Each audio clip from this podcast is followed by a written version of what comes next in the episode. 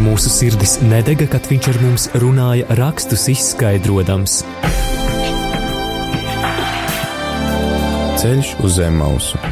Lauzīsim kopā Dieva vārda maizi, iedziļinoties dažādos bibliskos tematos.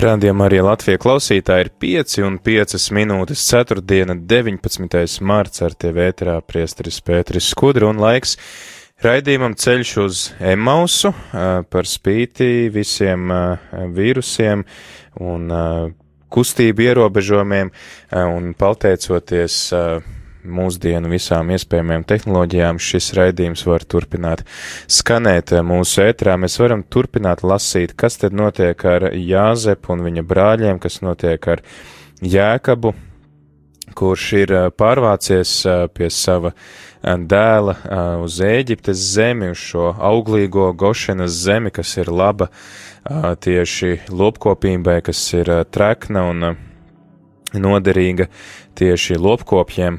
Mēs esam pēdējos mēnešus, jau var teikt, faktiski visu šo gadu mēs esam iesākuši, mēs runājam par Jāzepu un viņa brāļiem, par to, kā viņam ir gājis šajās gaitās, gan tiekot pārdotam, nošķirtam no savas ģimenes, gan arī um, te jau 30 gadus vēlāk atkal sastopot savu ģimeni, esot jau kā Eģiptes pārvaldnieks un arī tādā veidā izglābjot savu ģimeni. Mēs iepriekš arī runājām par to, kā Jēkabs ar visiem saviem bērniem pārvācas uz Eģiptes zemi, tad uh, svētie raksti 47. nodaļā vēlreiz atgādina par to, ka bija bats visā zemē.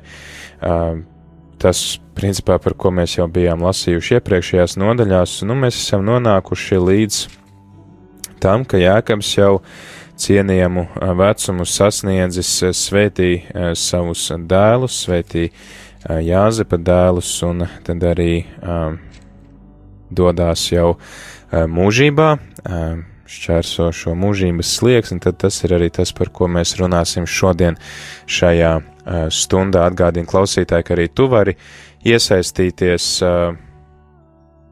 tu vari iesaistīties šajā raidījumā, gan zvanot uz numuru 67 969 131, gan arī rakstot īziņas uz numuru 266 77 272, vai arī raksta e-pastu uz studijāt rml.lv, vai arī vai nu dalīties ar to, kā tevi uzrunā šī rakstu vieta, vai arī vari dalīties ar kādiem jautājumiem, kas varbūt tev nav skaidri, kas tev raisās, lasot šo rakstu vietu, un, protams, kā vienmēr cenšamies arī rast atbildu uz jautājumu, uz kādu tad rīcību vai uz kādu apņemšanos svētais gars caur šiem rakstiem, caur šo vārdu vada mani šodien.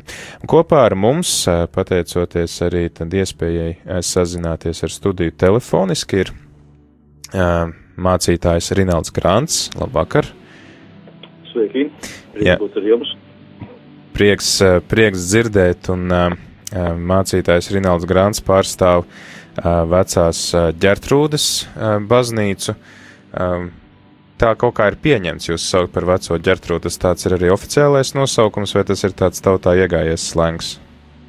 Tagad tas ir oficiāls nosaukums, bet uh, vēsturiski mums ir Mēs neesam atraduši mirkli, kad viņa kļuva padomu laikā pietieši no vienkārši ģetrūdas veco, bet uh, acīm redzot, tautā bija iegājies un vienā mirklī tā vienkārši padomu laikā oficiāli nokārtoja, un tā mēs kļuvām par veco. vecā, vecā ģertrūde, kas, jā, tepat netālu centrā ir. Šodien tad mēs lasīsim pirmās mūzus grāmatas 47. nodaļas sākot ar 27. pantu līdz 48. nodaļas, jā, līdz pašām beigām, līdz 22. pantam. Pirms mēs ķeramies klāt pie Dieva vārdu lasīšanas, mācītāja Rinalda, kā, teiksim, kādas ir jūsu attiecības ar šo stāstu par Jāzepu un viņa brāļiem, kas ir varbūt tās pirmās asociācijas, kas nāk prātā izdzirdot šo stāstu un uh, to pārdomājot? pirmās asociācijas ir varbūt ne tik ļoti nopietnas, man liekas, tas tāds īsts nekāds ir jāzapa dzīve. Tas ir, kādās, kādas galējības viņš piedzīvo savā dzīves. Un, un kaut kā šī raksturvieta, ko mēs šodien kopā lasām, tur ar vairs tikai pagriezieni. Mm. Uh, nu, laikam tā kā dzīvē mēdz notikt.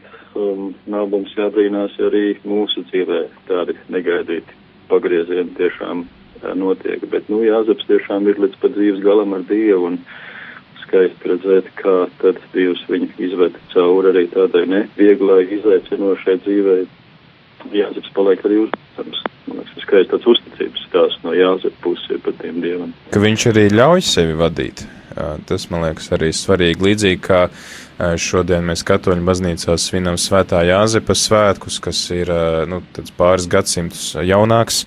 Jāzeps, Marijas līgavainis, bet kurš arī ļauj Dievam sevi vadīt arī caur tādiem negaidītiem pārsteigumiem dzīvē, un pat, pat neko nesakot, vienkārši izpildot to Dieva gribu, lai arī kur tā vestu. Jā, nu labi, tie Jāzepa laikam ir piedzīvojuši brīžus, kad viņi neko nesaprot, kas īsti notiek, bet, uh, bet vienkārši kaut kā tā paļaujās tam, cik daudz Dievs vai, vai ir vienkārši gaida, kad Dievs atklās kaut ko. Hmm. Jā, tad ķersimies klāt pie Dieva vārda lasīšanas. Klausītāji aicinu tevi atšķirt uh, svētos rakstus. Tātad sāksim ar 47. nodaļas, tad pirmās mūsu grāmatas 47. nodaļas 27. pāntu un lasīsim līdz pat 48. nodaļas beigām. Vai mūsu sirdis nedega, kad viņš ar mums runāja, rakstus izskaidrojams? Ceļš uz zem mausu Lauzīsim kopā Dieva vārda maizi, iedziļinoties dažādos bibliskos tematos.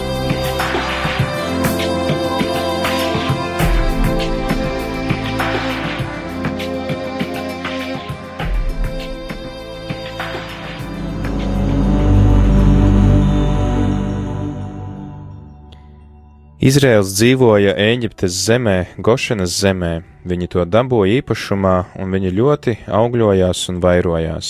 Jēkabs Eģiptes zemē bija dzīvojis 17 gadu, un visas Jēkaba dienas, visas viņa dzīves dienas kopā bija 147 gadi. Pienāca Izrēla laiks mirt, viņš pasauca savu dēlu Jāzepu un teica viņam: Ja jau esmu guvis tavu vēlību, lieciel savu roku zem mana gurna, esi žēlīgs un patiesīgs pret mani, neapglabājiel mani Eģiptē Guldi mani pie maniem tēviem, aizved mani no Eģiptes un apglabā mani viņu kapu vietā. Tas atbildēja, es darīšu, kā tu teici, un viņš teica, zvēri man. Tas viņam zvērēja, un Izraels noslīga gultas galvgalī. Pēc tam bija tā, kāds Jāzepam teica, redzi, tavs tēvs ir slims, un viņš paņēma sev līdzi abus dēlus, Manasi un Efraimu Jākabam tika pateikts, redzi, pie tevis atnācis tavs dēls Jāzeps, un Izraels saņēmās spēku un apsēdās gultā. Jākabs teica Jāzepam, visvarenais dievs parādījās man lūzā Kanāna zemē un svētīja mani. Viņš man teica, redzi, es darīšu tevi auglīgu un vairošu tevi, es darīšu tevi par tautu pulku un šo zemi es došu mūžīgā īpašumā taviem pēcnācējiem, kas nāks pēc tevis. Un tagad abi divi tavi dēli, kas tev tika dzemdināti Eģiptes zemē, pirms es atnācu pie tevis uz Eģipti, viņi ir mani. Efraims un Manase būs mani kā Rūbens un Šīmons.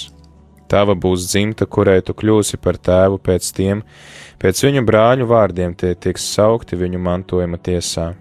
Un es, kad es nācu no Padāna, man Kanāna zemē ceļā nomira Rāhela, kamēr vēl bija kāds ceļa gabals, ko iet līdz Efrātai un es to apglabāju viņu tur ceļā uz Efrātu, tas ir Betlēmi. Tad Izraels ieraudzīja Jāzepa dēlus un teica, kam šeit ir? Jāzeps teica savam tēvam, tie ir mani dēli, ko Dievs man šeit devis. Un viņš teica, pieved viņus pie manis, un es jūs svētīšu. Izraēla acis bija vājas no vecuma, viņš nevarēja redzēt, un Jāzeps pieveda viņus tam klāt, un viņš tos skūpstīja un apkampa. Un Izraels teica Jāzepam: Necerēju skatīt tavu vaigu, bet redzi, Dievs man parādījis arī tavus pēcnācējus.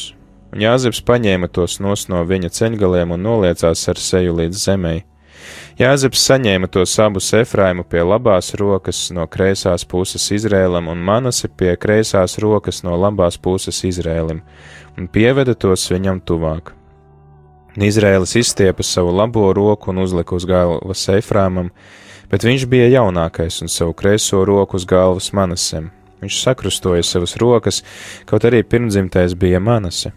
Viņš svētīja Jāzepu un teica: Dievs, kura priekšā staigāja mani tēvi Ābrahams un Īzāks, ir Dievs, kurš visu mūžu ir ganījis mani līdz šai dienai. Eņģelis, kurš izpirka mani no visa ļauna, lai svētītu šos zēnus, lai pie viņiem tiek atkārtots mans vārds un manu tēvu Ābrahama un Īzāka vārds, lai tie iet daudzumā pa visu zemi. Jāzeps ieraudzīja, ka viņa tēvs uzlicis labo roku uz Efraima galvas, un viņam tas nepatika. Viņš sakām pa sava tēva roku, lai no Efraima galvas to likt uz manas galvas, un Jāzeps teica savam tēvam: Ne tā, mans tēvs, šis taču ir pirmdzimtais, liec savu labo roku viņam uz galvas. Bet viņa tēvs liedzās un teica: Es zinu, mans dēls, es zinu, arī viņš kļūs par tautu, arī viņš taps jo liels, tomēr viņa jaunākais brālis būs lielāks par viņu, un viņa pēcnācēji kļūs par daudzām tautām. Un to dienu viņš tos svētīja ar, ar jums Izrēlā dos svētību, sakot, lai Dievs tevi dara kā Efraimu un Manasi, un viņš lika Efraimu pirms Manases. Un Izraels teica Jāzepam: Redzi, es mirstu, bet Dievs būs ar jums un aizvedīs jūs atpakaļ uz tēvu zemi, un tev es esmu devis vienu pleca gabalu vairāk nekā taviem brāļiem, to es atņēmu amoriešiem ar savu zobenu un loku.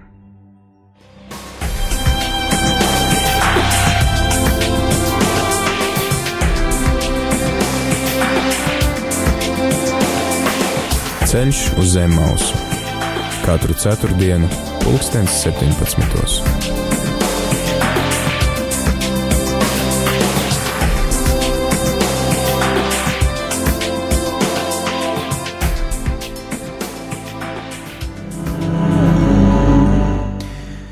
Atgādinu klausītājiem, ka šobrīd ir raidījums Ceļš uz Emausu, rādījumā arī Latvijā ēterā. Ar tevi esmu es priesteris Pēteris Skudru un kopā ar mums arī vecās ģertrūdas draudzes mācītājs Rinalds Grants, un šodien lasām radīšanas grāmatas 47. un 48. nodaļu, to, kā Jēkabs pavada savas pēdējās dienas, kā viņš sveitīja Jāzepa dēlus, un Jā, jautājums varbūt sākumā, kāpēc lasot par Jēkabu, brīžiem mēs lasām par Izrēli, brīžiem par Jēkabu, tad atkal ir Izrēls, kas runā ar savu dēlu Jāzepu, tad ir atkal Jēkabs. Kāpēc viņam tas vārds tur tā mainās visu laiku? Es domāju, ka tie radio klausītāji, kas jau kādu laiciņu uh, seko līdzi uh, pirmās mūzes grāmatas, jeb radītas stāstam, atcerēsies to notikumu, kur, kur uh, Dievs uh, Jēkabam saka, tagad tavs vārds vairs nebūs Jēkabs, bet būs uh, Izraels. Tas ir notikums, kur, kur, uh, kur Jēkabs cīnās ar eņģeli naktī, un uh, šie pazīstamie tie vārdi, kurus neatlaidīšu, pirms es tevi nesatīšu. Uh, tad tas nāk no tā notikuma, un viņš nes abus šos vārdus uh, vienu no dzimšanas otru pēc šī notikuma, uh, kuru mēs tad lasām kā šo cīņu reņģām. Jā, bet tad, tad viņam ir abi divi šie vārdi, vai Dievs viņam izmaina to vārdu, vai vienkārši pieliek klāt, un tagad viņš tiek saukts vienreiz tā, vienreiz tā. Tas varbūt parāda, ka ir dažādi tie stāstītāji, kas mums atstās šo nodaļu, vai, vai kā to saprast. Nu, Bet manām domām, ka šie abi vārdi tiek lietoti, gan Jēkabs, gan Izraels, vai tie ir dažādi stāstītāji, es nepateikšu. Es domāju, ka, ka vienkārši um, no šīs grāmatas autors apzinās, ka, kad mēs, apzin, nu, ka mēs sapratīsim vienu un to pašu savu, nu, mm -hmm. zem abiem šiem vārdiem. Jā, un lasot, lasot šo fragmentu, kā Jēkabs, interesanti, ka viņam ir tādas īpašas attiecības ar Jāzepu, arī pēc tam, kad viņš ir viņu saticis no jauna, jo pirms viņš sveitīja savus dēlus 49. nodaļā, viņš sveitīja tikai, tikai Jāzepu un viņa dēlus, un tas arī diezgan tā atsauc atmiņā to, kā, kā Jēkabs pats saņēma sveitību. Tur ir diezgan, diezgan daudz uzmanības tika pievērsts tam, kā Īzāks dod svētību saviem dēliem, Jēkabam un Ēsavam. Nu, tas, man liekas, ir viens no šīs stāsta tādiem nu, centrāliem notikumiem, ir jā, šī svētība, kas izvēršas ļoti negaidīti un nesaskaņā ar jūdu tradīciju, kā tam bija jānotiek, kad pirmdzimtais saņem šo tēvu svētību.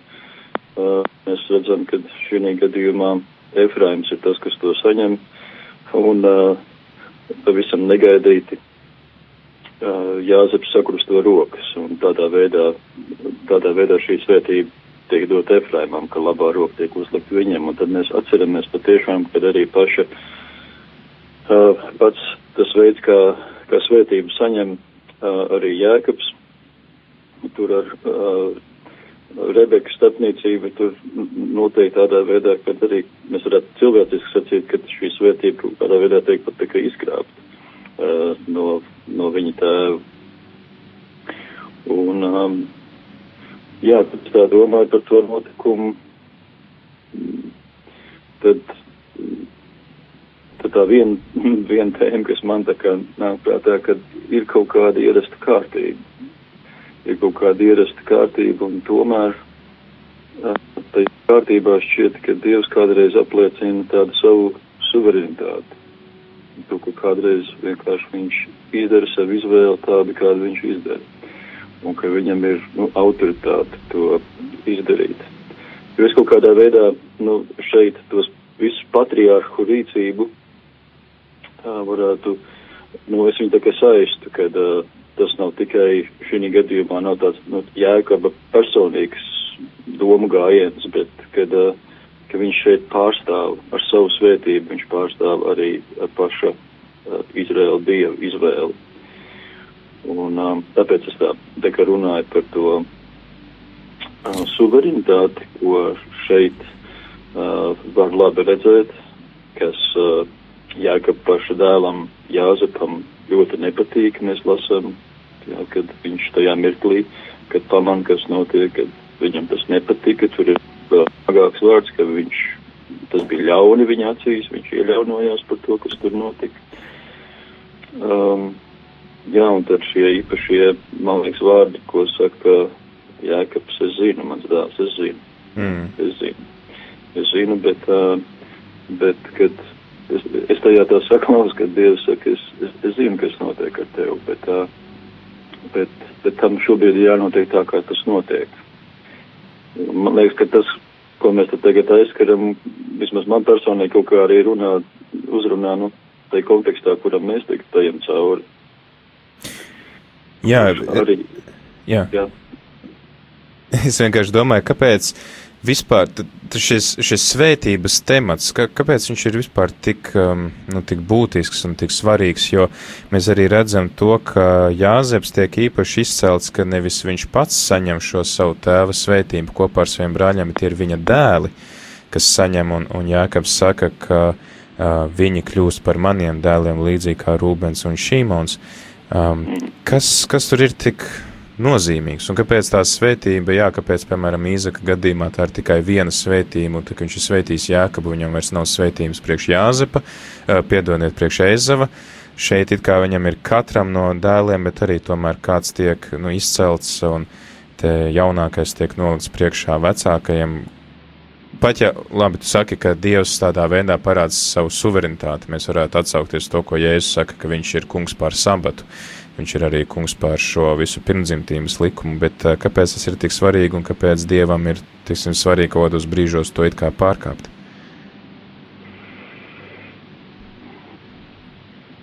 Nu, tas, tas tiešām saistās, es saprotu, ar izredzētību. Ar izredzētību, kur, un ar kādu šķostību kas iet līdz šai svētībai. Un tie nav tikai vārdi. Uh, un saņemt, saņemt šo šo, es nezinu, es tagad nemaz nevaru teikt, pim, pirmdzimtā svētību, tāpēc, kad mēs runājam par diviem gadījumiem, kur tie kā reiz nav pirmdzimtie, nu, kad tas vienmēr nozīmē, kad, kad, kad, kad par šiem um, cilvēkiem ir īpaša dieva žēlastība. Uh, varbūt, protams, arī mēs Bībelē redzam, ka žēlastība vienmēr ir saistīta arī ar aicinājumu un uzdevumu. Ja, nu tā, bet um, tas būtu tas veids, kā es teiktu, kāpēc tas bija tik svarīgi. Um, kāpēc tā svētība nepietiek uh, vairākiem bērniem, es domāju, ka tas ir arī saistīts ir kaut kādā ziņā ar to, ka ir jābūt kādam tajā, tajā ģimenē, tajā, tajā ciltī, kurš, kurš ir tas, kurš būtībā tiek iecelts par, par vecāko, par autoritāti. Mm.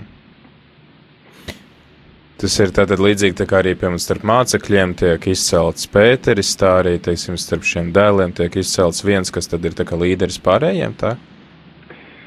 Nu, nezinu, vai mēs vēlāk, vai mēs vēlāk varam mm, to tā ļoti kaut kur atpazīt vecā derībā, kad, kad piemēram, Efraims ir kaut kāda autoritāte, kuru, kuru manas tur, piemēram, paklausa, bet ja mēs skatāmies, un kā šī svētība viņiem iet līdzi, tad, tad to gan mēs vecā derībā redzam diezgan, nu tā, zīmīgi es teiktu, kad, kad, kad Efraims tiešām kļūst par,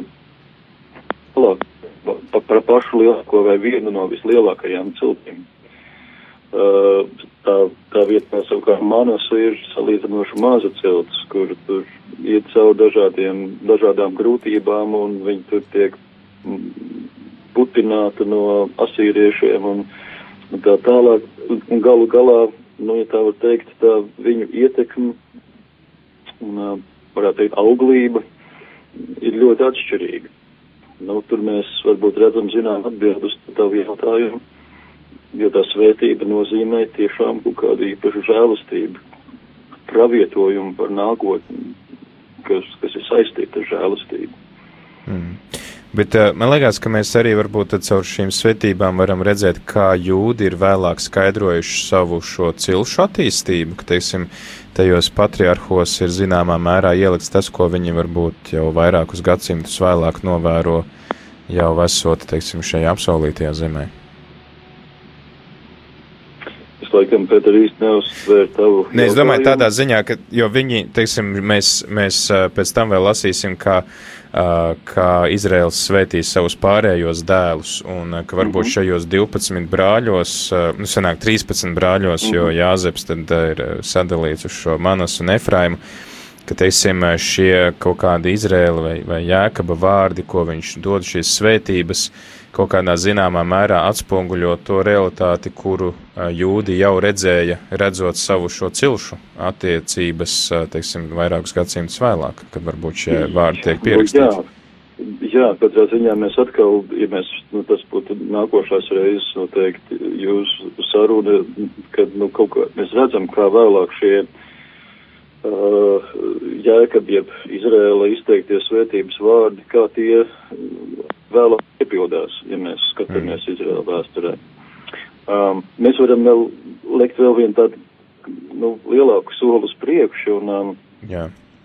piemēram, uh, baznīcas tēva svētais Ambrozijas šajā ļoti tajā simboliskā mirklī ir notikumā, kad, kad Jēkabs sakrusto roku un uh, rokas un svētī savus brāļus, ka viņš, nu, kā tas nav nekāds liels brīnums, nolasa tajā tādu krusta fórumu, jeb krusta mm. zīmi, kas tur veidojās. Un, un viņš, piemēram, runā par to, ka Uh, kad jā, šis vecākais, kas šī gadījumā ir manas, uh, viņš to paralēli velk ar pagāniem un ar jūdiem. Viņš saka, ka jūdi ir tie, kas, tā kā, nu, tas, tie, kas tur, nu, nīkuļo vai, vai, vai kam, kam, kam, kam, kam neizdodas, kas klūp.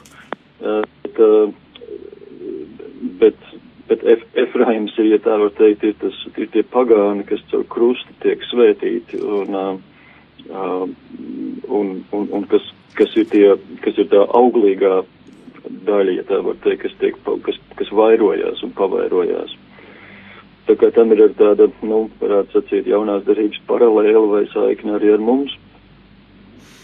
Ja, tā tad, jā, man nāk prātā apustuļa Pāvila darbība, ka viņš arī tieši pārmet, pārmet jūdiem, ka jūs īstenībā bijāt tie pirmdzimtie, kuriem vajadzēja jā. saņemt šo pestīšanu, bet tā kā jūs to esat atmetuši, tad es eju pie pagāniem, tad pagāni to ir aicināti saņemt.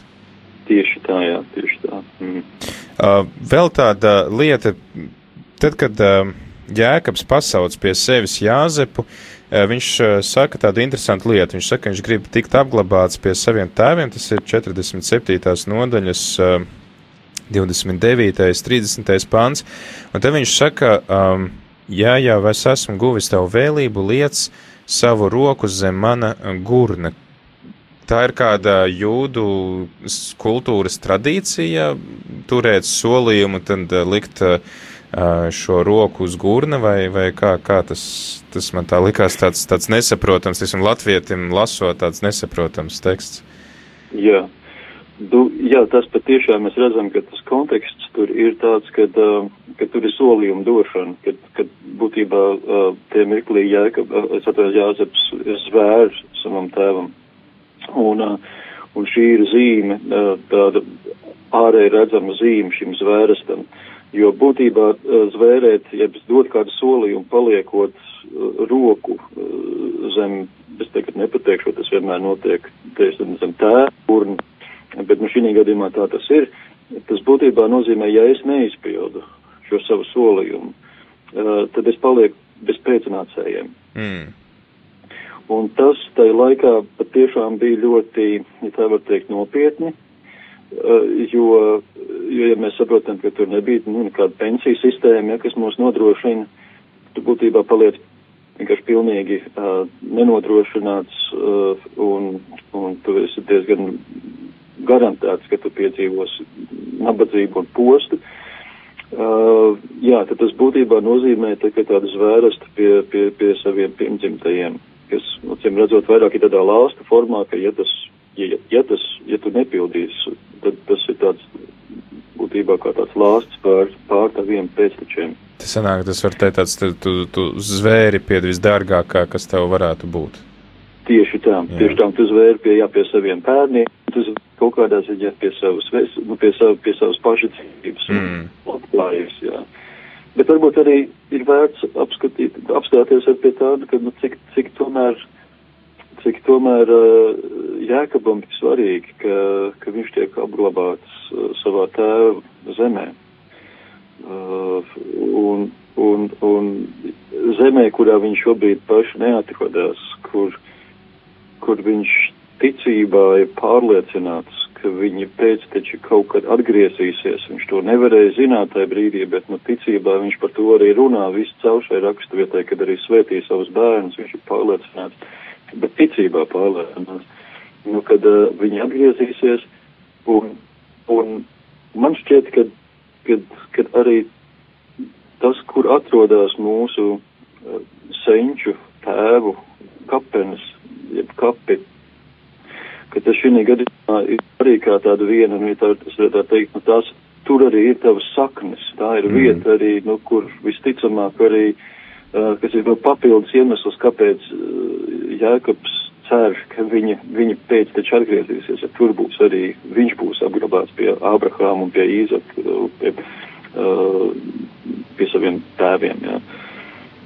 Ja tas... Un, uh, es par to domāju vienkārši arī nedaudz tādā mūsu kontekstā, vai ne, kad, kad es esmu dzirdējis, ka kādreiz cilvēki, kas izbrauc ārpus Latvijas, uh, un kad viņi saka, nu, kad jā, tik ilgi, kamēr tur nav vēl neviens no mums aizgājis mūžībā un apglabāts tur, pastāv daudz lielāka iespēja, ka šie cilvēki atgriezīsies kaut kādā pakaļ Latvijā, bet tad, kad tur jau ir apglabāti tev vecāki, un tā jau ir nākošā paudze, kas tur dzīvo, ja, nu, tad ir daudz, daudz, daudz, daudz grūtāk atgriezties atpakaļ. Jā, man liekas, tā ir arī tāda, tāds viens temats, par ko Pāvas Francisks pēdējā laikā diezgan daudz runā, par ko viņš arī runāja, kad viņš bija šeit Latvijā, tieši par šo savu sakņu apzināšanos, ka viens ir jā, tas skats uz nākotni un, un jauni apvāršņi un jauni izaicinājumi, bet tāpat laikā apzināties, kas tu esi, ka tās saknes, jo galu galā arī Dievs, viņš uzrunā šos patriārhus, un, vēlāk, kad mēs lasīsim par jau, teiksim, vairākus gadus vēlāk, uh, kad Mūzus satiek, viņš arī Dievs joprojām stādās priekšā kā šis senču Dievs, Ābrahama, Īzāka, Jākaba Dievs, acīm redzotām saknēm ir, mēs redzam tiešām ļoti, ļoti liela nozīme arī tādā ticības dzīvē. Mm -hmm, mm -hmm. Jā, mēs tur arī redzam, kad, kad viņš svētīja Jāzepu un teica, Dievs, kur priekšā staigāja man tēvi, Abrahams un Īzaks, ir tas Dievs, kurš un tad tālāk viņš dod to svētību. Tā kā viņš visu laiku norāda tos saikni un, ja tā var teikt, atkārto vēsturi uh, savu mazbērnu priekšā. Hmm.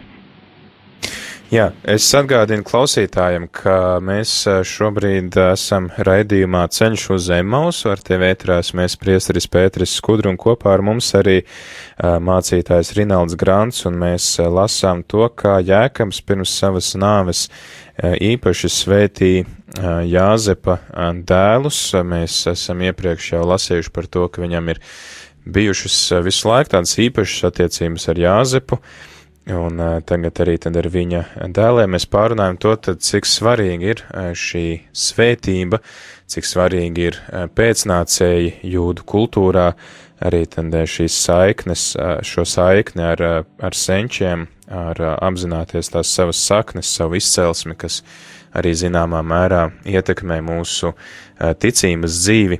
Laiks dziesmai, klausītāja gadījumā, tev ir kādi jautājumi, vai varbūt tu vari padalīties ar to, kas tevi uzrunā lasot šos pāntus, tad droši zvani uz ēteru uz numuru 67 969 131, vai arī raksti īziņas uz numuru 266 77 272. Priecāsimies arī uzklausīt tevi, kas tevi uzrunā vai kādi jautājumi tev raisās.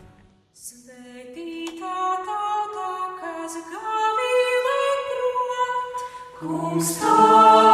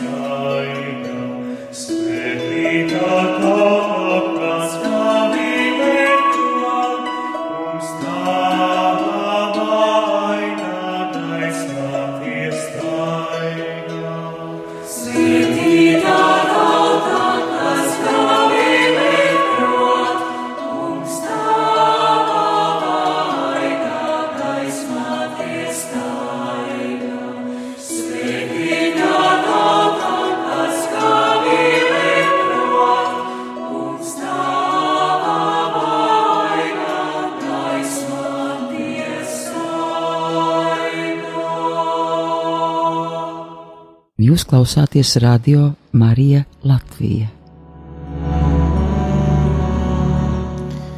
Atgriežamies ēterā ar raidījumu Ceļš uz Emausu, un šodien kopā ar mācītāju Rinaldu Grantu runājam par to, kā Jēkams sveitī Jāzepa dēlus, un lasām, ka svētot Jāzepa dēlus Jēkabs atkārto kaut ko ļoti līdzīgu, kas noticis arī viņa dzīvē, ka jaunākais tiek tā kā izvirzīts vecākajiem priekšā, un arī tad mācītājs Rinalds atsaucās uz baznīcas tēviem, kuri šeit saskata arī tādu Kristus krusta jau priekšvēstnesi, kas arī izceļ ne tikai jūdus, kuriem, kā Pāvils saka, pirmajiem pienācās šī pestīšana, bet arī visas tautas, kuras ticībā, šajā patriārhu ticībā ir pieņēmušas Kristus upuri, un Rinalda, tu minēji to, ka tu vēlies vēl pa, paturpināt šo domu par to, ka Jēkabs zina, ka viņš jaunāko izvirza priekšā vecākajiem.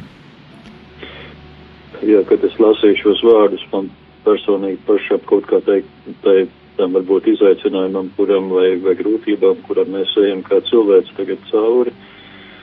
Uh, šajā uh, pandēmija, kā man šie vārdi, protams, kad skanēja tā īpaši, es zinu, mans dēls es zinu. Un, um, ja mēs skatāmies uz Jāzepu tajā laikā, nu viņš faktiski ir viens no tā laika ietekmīgākajiem cilvēkiem, kurš, nu, varēja atļauties bieži pateikt, kā lietām ir jānotiek. Uh, un, uh, un savukārt attiecībās ar tēvu un ar saviem brāļiem tur bija kāds diezgan strikts tradīcijas, kādā, kas regulēja kaut kādā veidā viņu ticību un viņu mantojumu lietas un tam līdzīgi, un arī tur tā kā varētu teikt, bija tāda kārtība. Un, um, ja es domāju, tas, kas šī laikā mūs daudzus, tā, lai, protams, tas lielais izaicinājums daudziem cilvēkiem šodien ir tas, ka mēs, mēs, mēs piepaši redzam, kad, kad ir tik maz, ko mēs kontrolējam šajā pasaulē Uh, ka tā bija varbūt tāda liela, liela ilūzija, kad mēs dzīvojam un mums daudziem likās, ka kad visa pasaule tik droši, tik sakārtot un kad man ir lietas paredzamas un, un ir skaidrs un es varu plānot lietas un tā tas notiek un, un piepieši, ka tas um, kaut kādā veidā tiek iztrūcināts, tad, tad um, nu jā, mēs zaudējam tādu, mēs varam pazaudēt paļāvību, mēs varam pazaudēt drošību un, un, un, un, un, cerību. Es domāju, daudz cilvēku šobrīd kaut kā tam iet cauri, tāds haoss faktiski un dzīvē ir. Un, un uh, es kaut ko no tā atpazīstu arī šajā gadījumā, ka piepieš šis, šis ietekmīgais vīrs, kuram bija skaidrs, kā tam visam ir jānotiek. Viņš, viņš piedzīvo, ka tur ir kāds, tur viņ, tur viņa tēvs, kurš uh, kurš, kurš neļauj viņam tās rokas salikt atpakaļ tā, kā Jāzeps gribētu.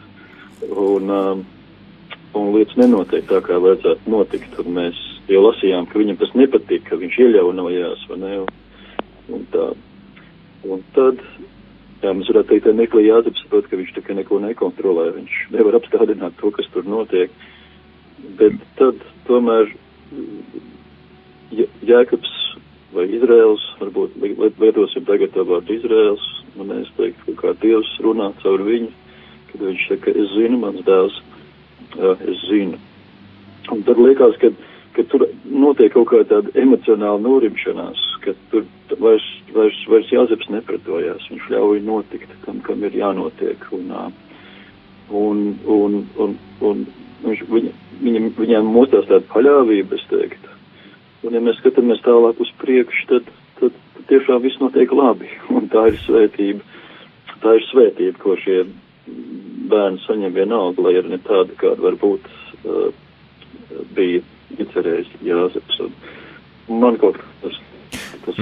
Tāpat laikā es gribētu, es gribētu piebilst to, ka Jāzeps ir, es domāju, ka viņš ir pēdējais, kurš uh, varētu nezināt to, ka ir lietas, kuras tu nevari ietekmēt savā dzīvē, jo praktiski visa viņa dzīve ir tāda bijusi, ka nu, lietas notiek tā, kā viņas notiek, un viss, ko tu vari darīt, ir uh, saglabāt tādu mieru un uh, darīt to, ko tu vari izdarīt tajā situācijā, neskatoties uz to, ka viņa varbūt neiet to gaitu, kuru tu būtu gribējis, ka viņa iet. Mm. Tad tas brīnišķīgi, ko tu piebilsti, jo es domāju, ka varbūt tas tieši runā uz tādu uz ticīgo cilvēku sirdīm, kur mēs teikt, nu mēs jau esam tā salīdzinoši vairāk tomēr atpazinuši savā dzīvē, ka lietas notiek ne tā, kā mēs, bet kā Dievs vēlās, un mēs tomēr nevaram sacīt, ka tā ir tāda skola priekš visām nākotnes dzīves situācijām, ka mēs saskaramies ar dzīves realitāti, atkal vēlāk dzīvojot uz priekšu, mēs piepeši varam ieraudzīt. Kaut kas mūsos pretojās, ka mums atkal ir jāizcīna tā cīņa no jauna atkal par tādu uzticēšanos vienkārši Dievam, un tad varbūt šos vārdus ir tik labi dzirdēt. Es zinu, tas es zinu. Ja, nu tā, mm. kā paši Dievu sacītas. Jā, man liekas, tas arī atgādina to, ka galu galā, ko Jēzus saka, ka ko jūs, ko jūs uztraucaties par savu nākotni, par to, ko jūs ēdīsiet vai vilksiet mugurā, jo, ja Dievs rūpējās par zvirbuļiem ārā un par puķēm uz lauka, tad cik vēl jau vairāk viņš rūpēsies par jums, pat ja jūs piedzīvojat šobrīd kādas grūtības vai pārbaudījumus. Mm -hmm. Jā.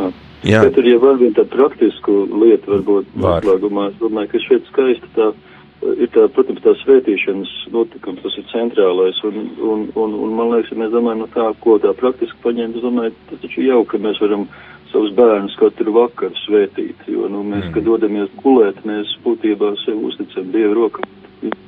Ir baznīca tā, kas, nā, kas miegu sauc arī par, par mazo nāvi vai, vai, vai tam līdzīgi, un ka mēs pirms tam varam ka mēs varam līdzīgi kā toreiz patriarhi svētīt savus bērnus, svētīt savus bērnus katru vakaru.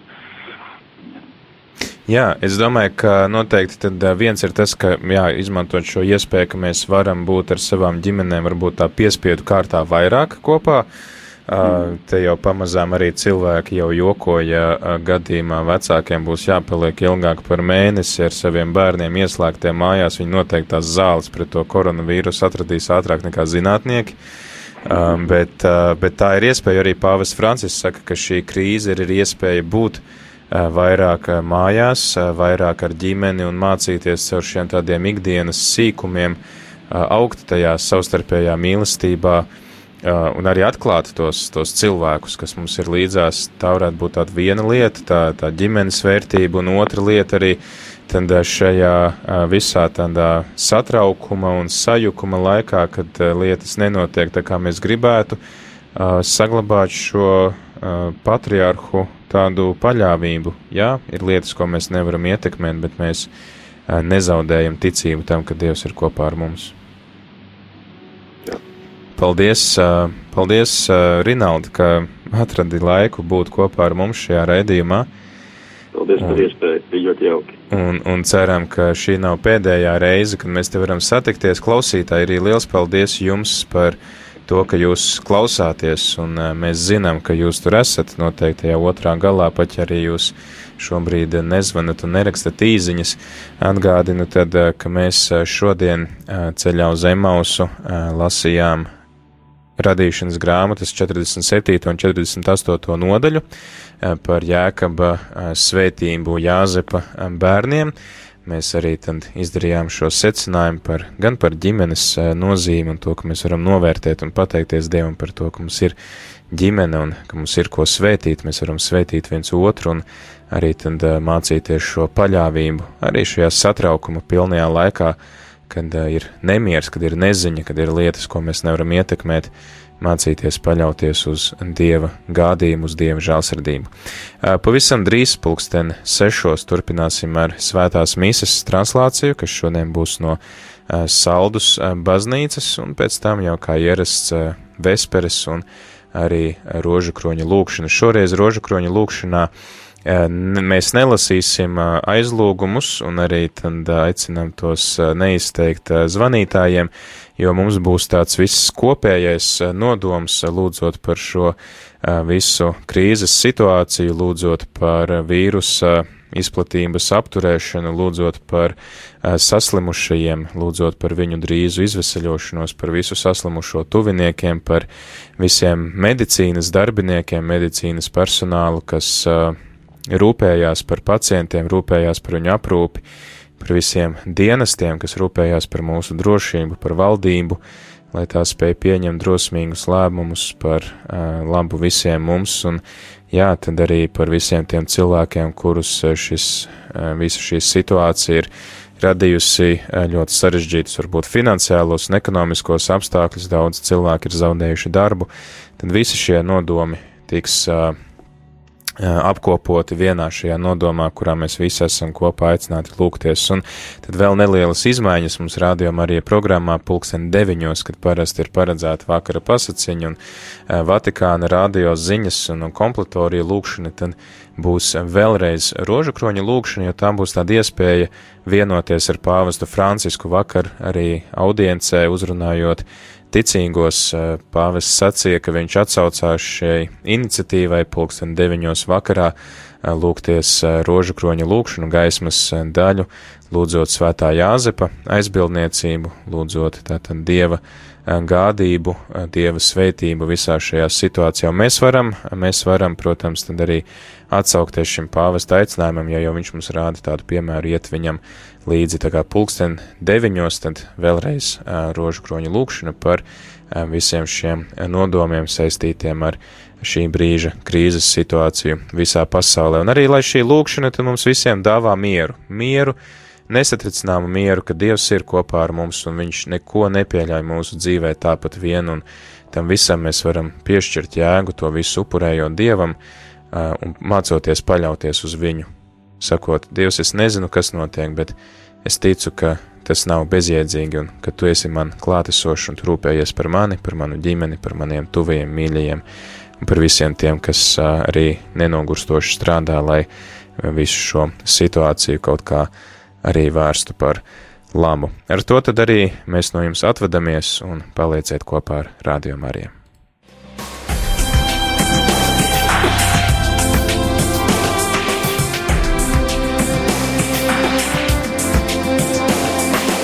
Ceļš uz zem mausu katru ceturtdienu, pulkstens 17.